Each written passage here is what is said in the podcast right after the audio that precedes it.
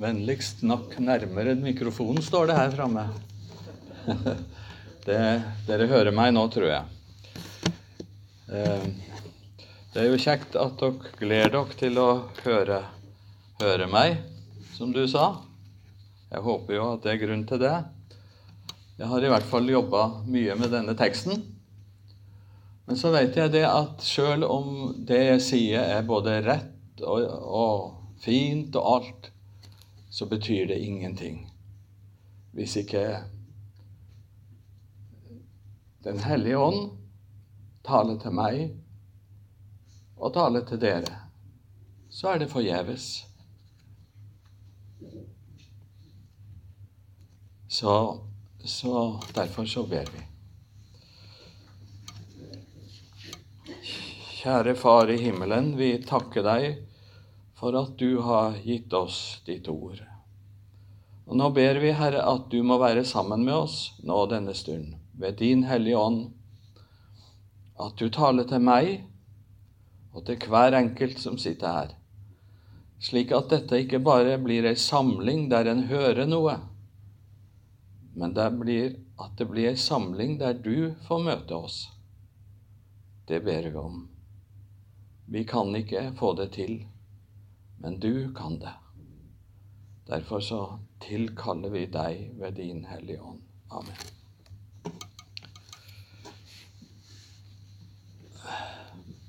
Ja, jeg skal lese det som er teksten for denne søndagen.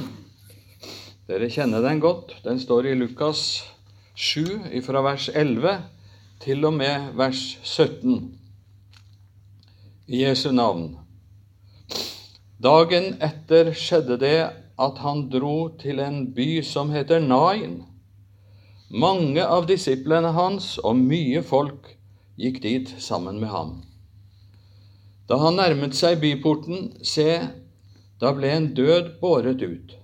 Han var sin mors eneste sønn, og hun var enke.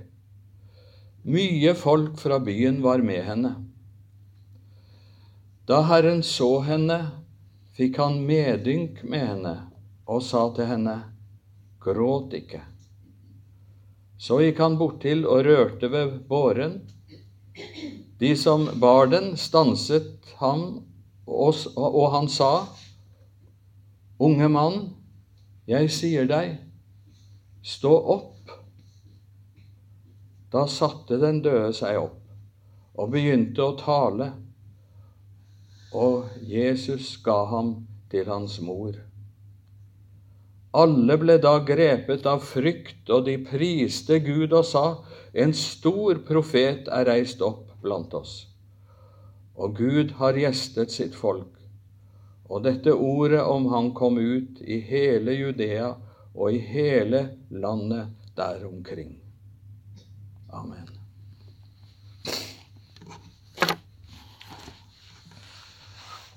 Det er veldig trist for oss når noen av våre nærmeste dør. Jeg, jeg har hatt tre brødre, og to av dem er døde. Terje, som bodde her på Vigrestad, døde for sju år siden. Og jeg hadde en bror i Gandalen som heter Sveinung. Han døde for et halvt år siden. De ble 63 og 64 år.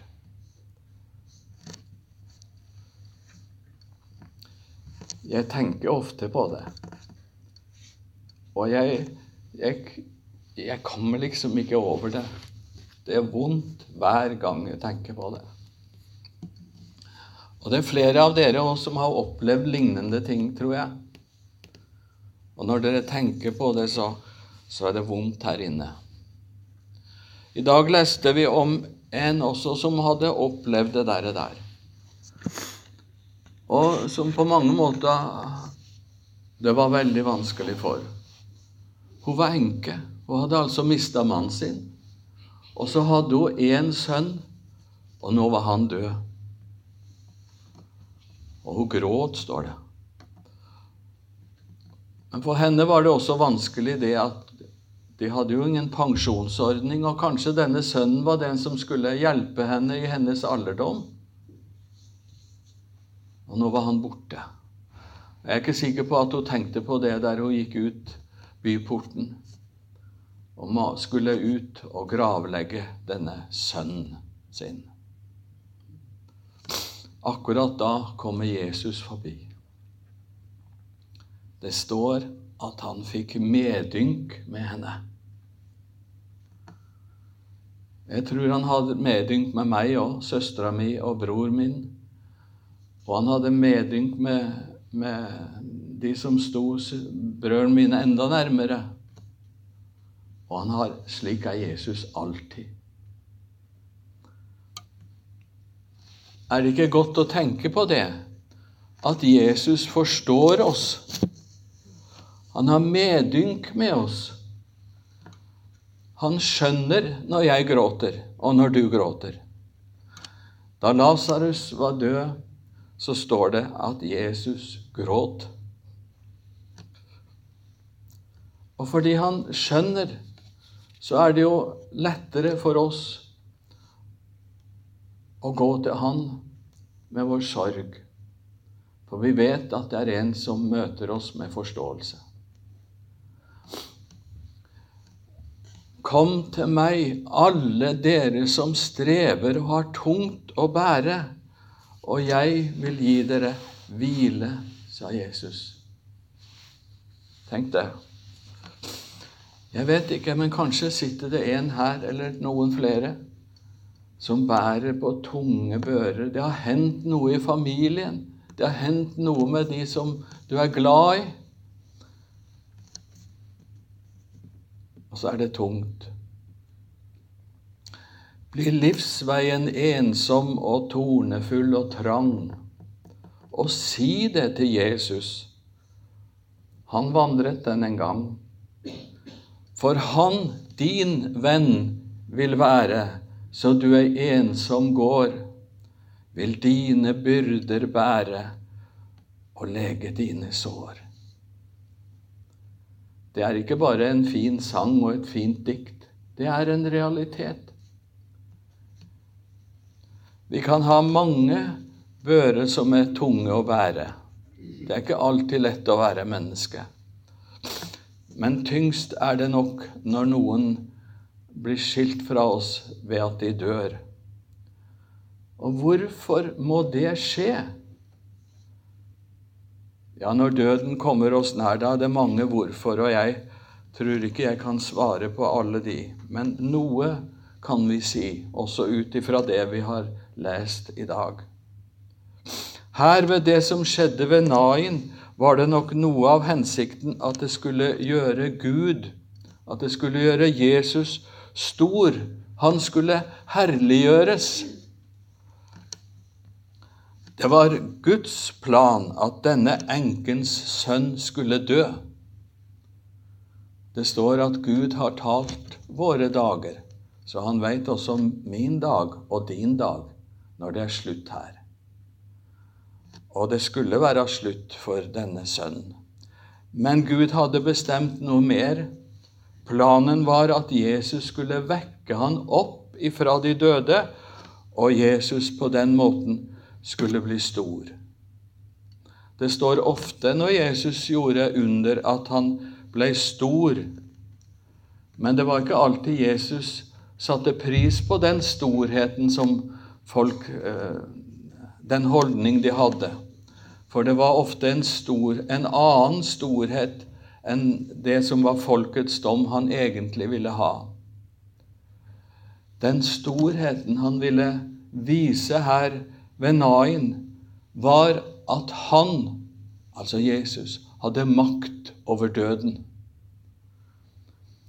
Ja, at han skulle overvinne døden, bli den seierherre, og det viste han her ved Nain.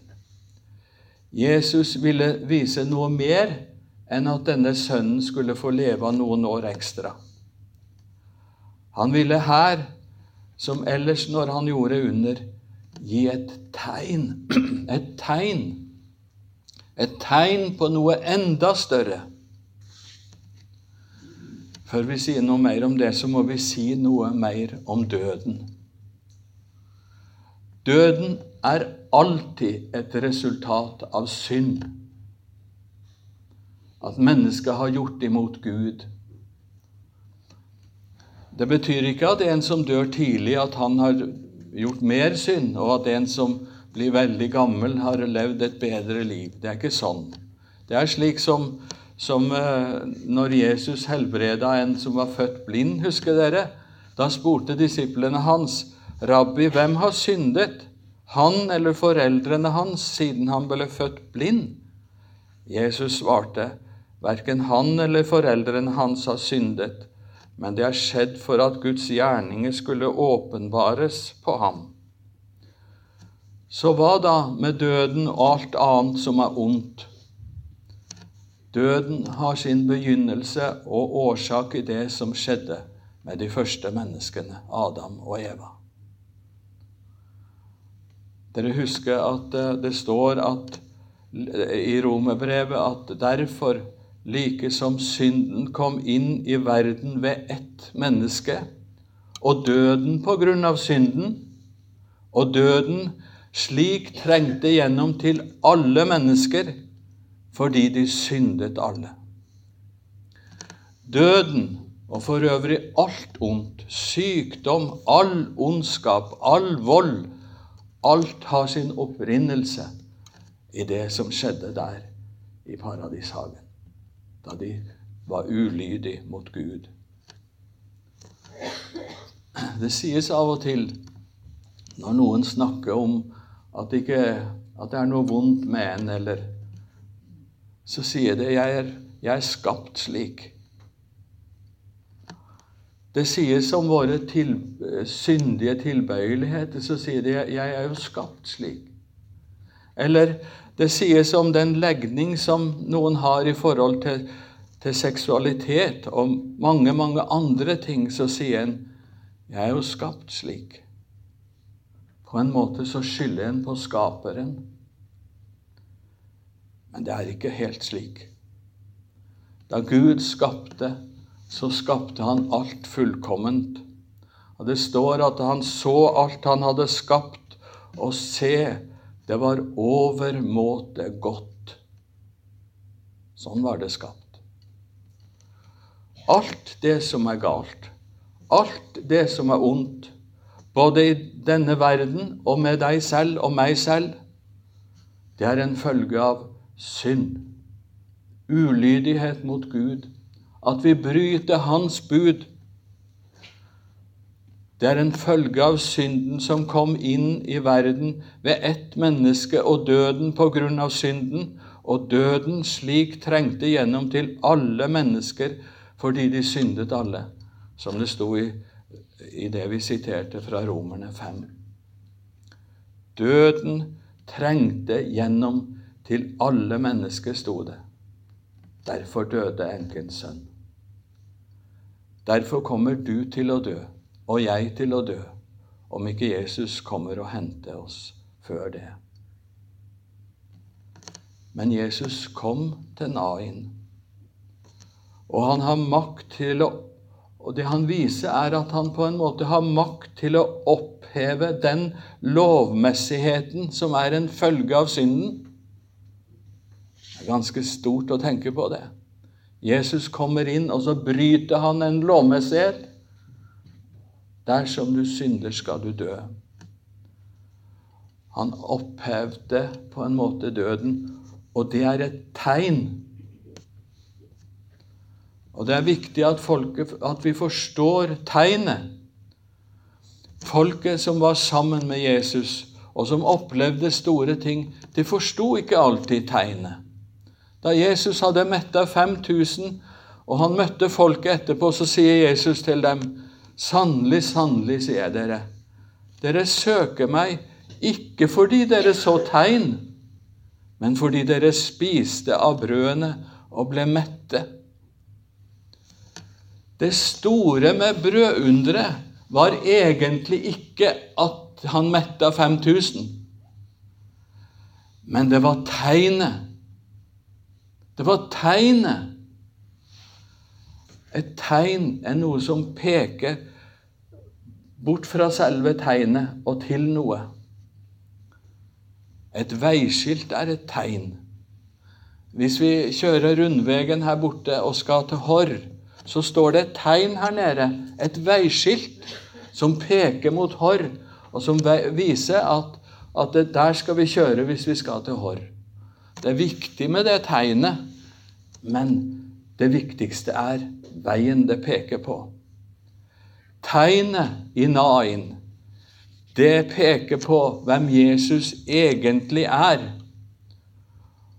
Og det peker på et budskap om, som har med døden å gjøre. Eller rettere som har noe med dødens overvinner å gjøre, og dødens tilintetgjørelse å gjøre.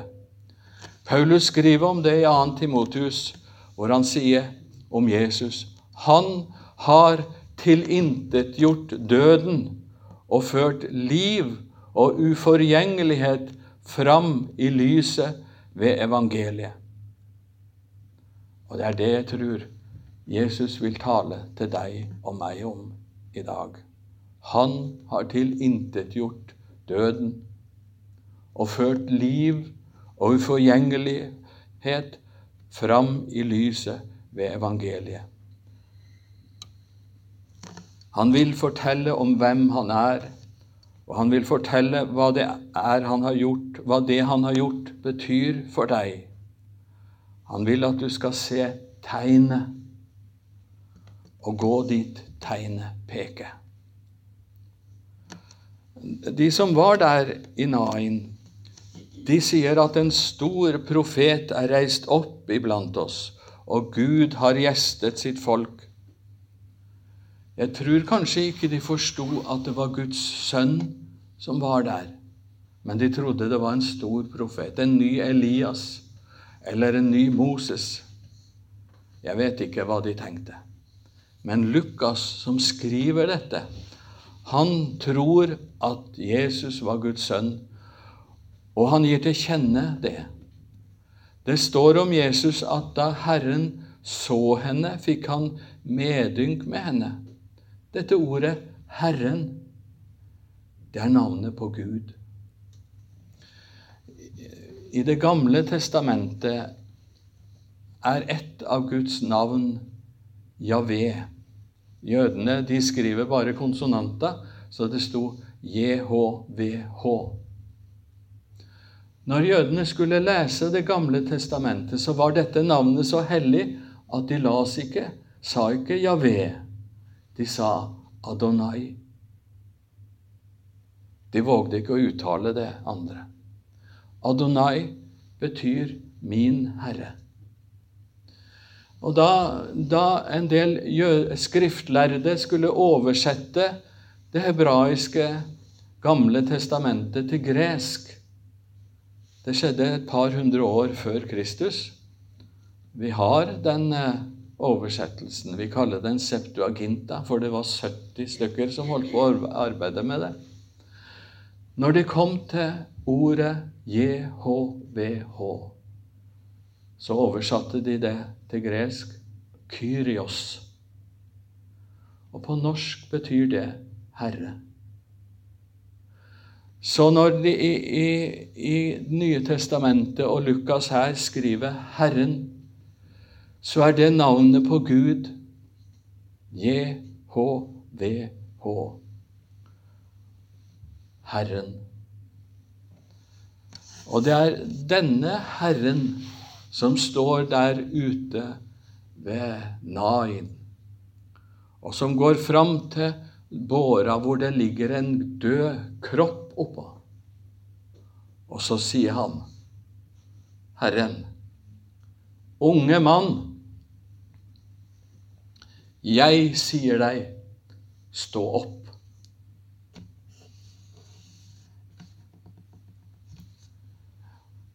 Det er bare Gud og Guds sønn som kan si sånt. For det er bare Han som har all makt i himmel og på jord, og som ved sitt ord viser denne makten.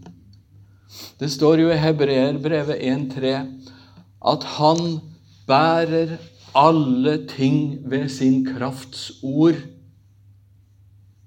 Herren.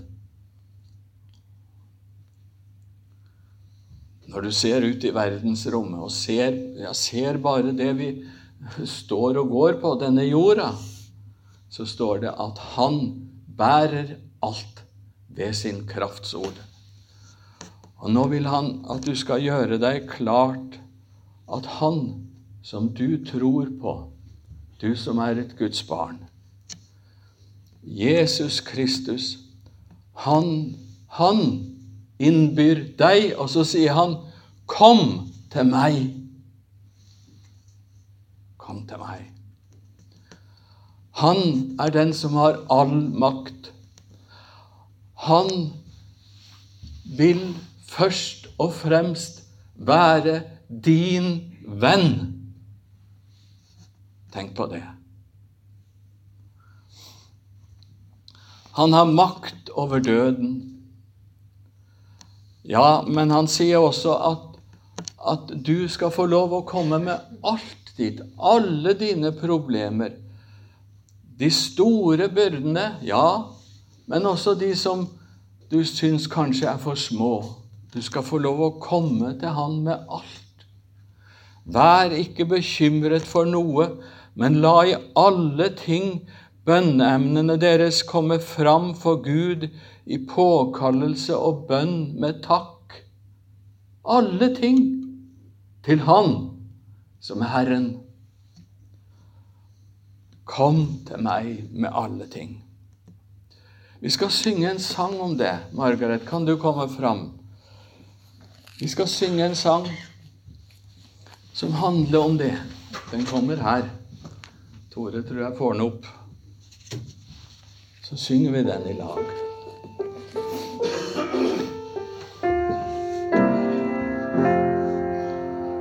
Si allting til Jesus, han kjenner deg så vel. Han vet hva som engster og trykker tungt din sjel. Om dine beste venner deg enn kan misforstå, din Jesus deg dog kjenner, til ham du trygt kan gå. Syng det til deg selv. Til deg selv, ikke til de andre. Si det til deg selv. Blir livsveien ensom og tårnefull og trang, og si det til Jesus, han vandret den en gang. For han din venn vil være, så du en som går, vil dine byrder bære og lege dine sår. Den ringeste småting som kommer i din vei, og si det til Jesus, så vil han hjelpe deg. Nei, intet er for lite din frelser å betro. og si det kun til Jesus, så får ditt hjerte ro.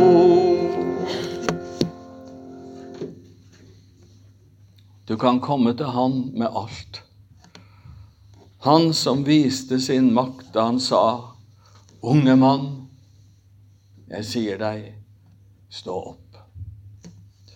Men det største ved dette tegnet, som dette tegnet peker på, er jo at han viser han har makt til å finne en løsning på den dommen som alle mennesker har hengende over seg, og som rammet alle mennesker da Adam og Eva var ulydige og gjorde mot Guds vilje. Og Gud drev dem ut av Edens hage og stengte veien til livets tre.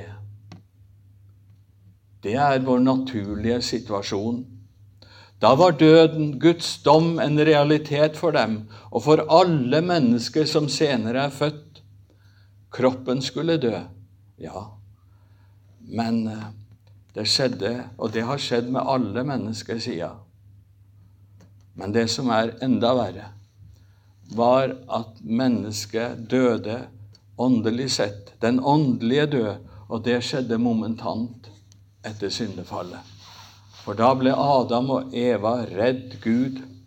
Gud ble fremmed for dem, og han ble deres dommer, den hellige dommer.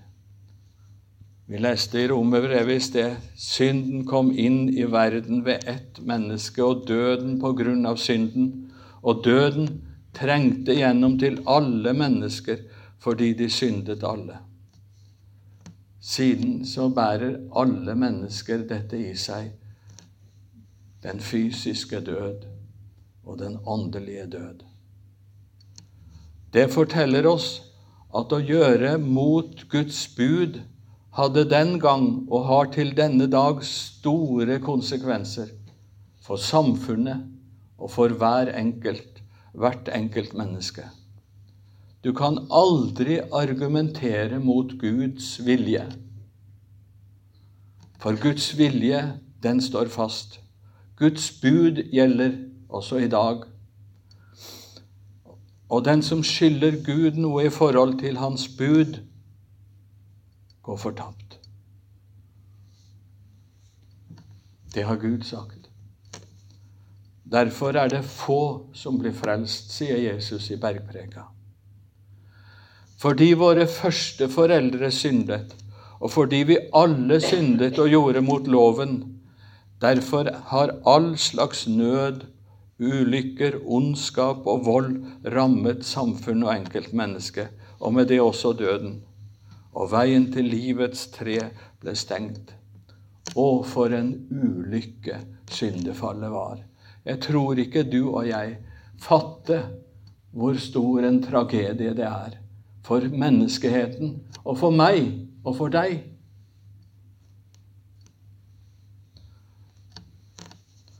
Og for Gud var det òg en tragedie, for å si det sånn på menneskelig vis.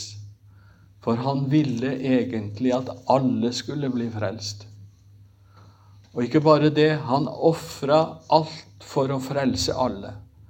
Og likevel også han vet at få blir frelst. Jesus har sagt det. Men han har åpna en vei, en frelsesvei, og det er Jesus selv. Han som sa, 'Sønn, jeg sier deg, stå opp'.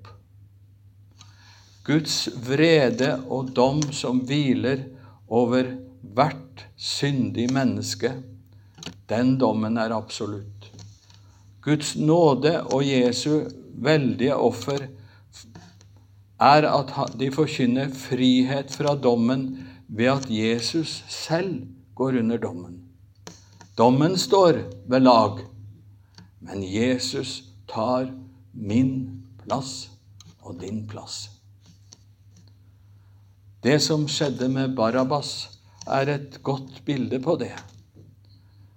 Barabas fikk friheten, Jesus tok straffen. Som Barabas var forbryter og var dømt, slik er du en synder på grunn av synden og er dømt. Som Barabas kan du ved troen få del i Jesus' soning og forsoning. Som Barabas kan du bli fri fordi Jesus tok din plass. Her ved Nain viser Gud Herren, Jesus Kristus, hvordan en som er under dommen, som førte til død, han får livet. Og Jesus demonstrerer sin makt over døden, som jo er Guds dom, altså døden.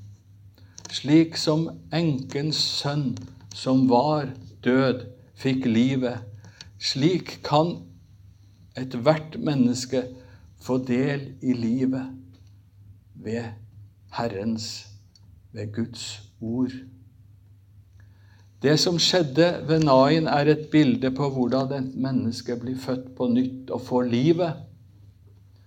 Det livet med stor L, det evige livet, ved å høre Guds tale, ved å høre Guds ord, ved å høre evangeliet.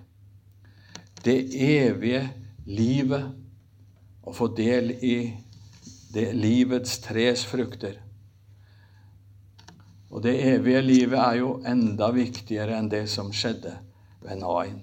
Det er det som sto i Kolossebrevet, som vi har sitert. Han har tilintetgjort døden og ført liv og uforgjengelighet fram i lyset ved evangeliet. Han har tilintetgjort døden og ført liv og uforgjengelighet fram i lyset ved evangeliet. Legg merke til hva det står. Jesus har tilintetgjort døden og ført liv og uforgjengelighet fram i lyset. Og hvordan skjedde det i Kolossé, som dette var skrevet til? Jo, det skjedde ved evangeliet, altså det glade budskap. Det skjedde ved at noen hørte evangeliet. De hørte om Jesus. Og de ordene som kom gjennom ørene deres, det skapte troen og dermed et nytt liv. Som det står i Romerne 10, som Paulus sier, så kommer da troen av forkynnelsen som en hører, og forkynnelsen som en hører, kommer ved Kristi ord. Like lite som enkens sønn kunne reise seg opp av seg selv, like lite kan du skape et nytt liv i deg, i ditt hjerte, ved å ta en beslutning eller noe sånt. En som er død, kan ikke skape noe. Og vi var døde ved våre overtredelser, sier Paulus. Men han som befalte enkens sønn tilbake til livet, han gjør hos deg det samme ved evangeliet. Ved at du får høre, høre. Han som ga livet tilbake til, til denne døde utenfor Nain ved å si stå opp. Han forkynner evangeliet og sier til deg det er fullbrakt. Og det er det evangeliet som skaper liv i deg.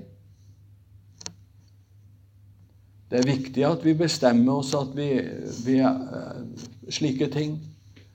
Men livet kommer ved evangeliet.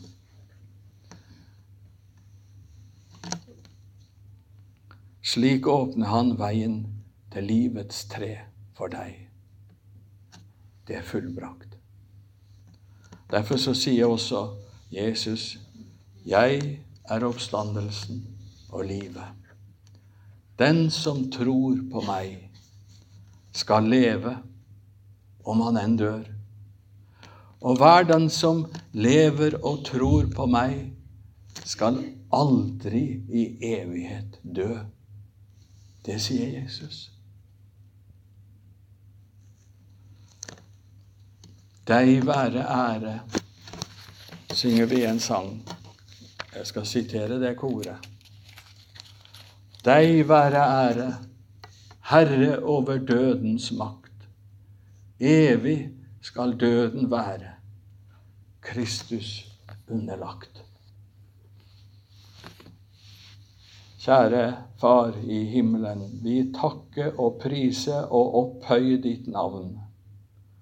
At du kom til jord og ville vise oss som var døende, og som har dette i oss som, som vi har arva, og som vi har forøkt i livet vårt, og som førte til død, at du kom og åpna veien til det evige livets tre. For meg og for oss. Herre Jesus, hjelp oss å høre evangeliet og lukke det inn i vårt hjerte og skjønne at du har gjort alt ferdig for oss. Amen.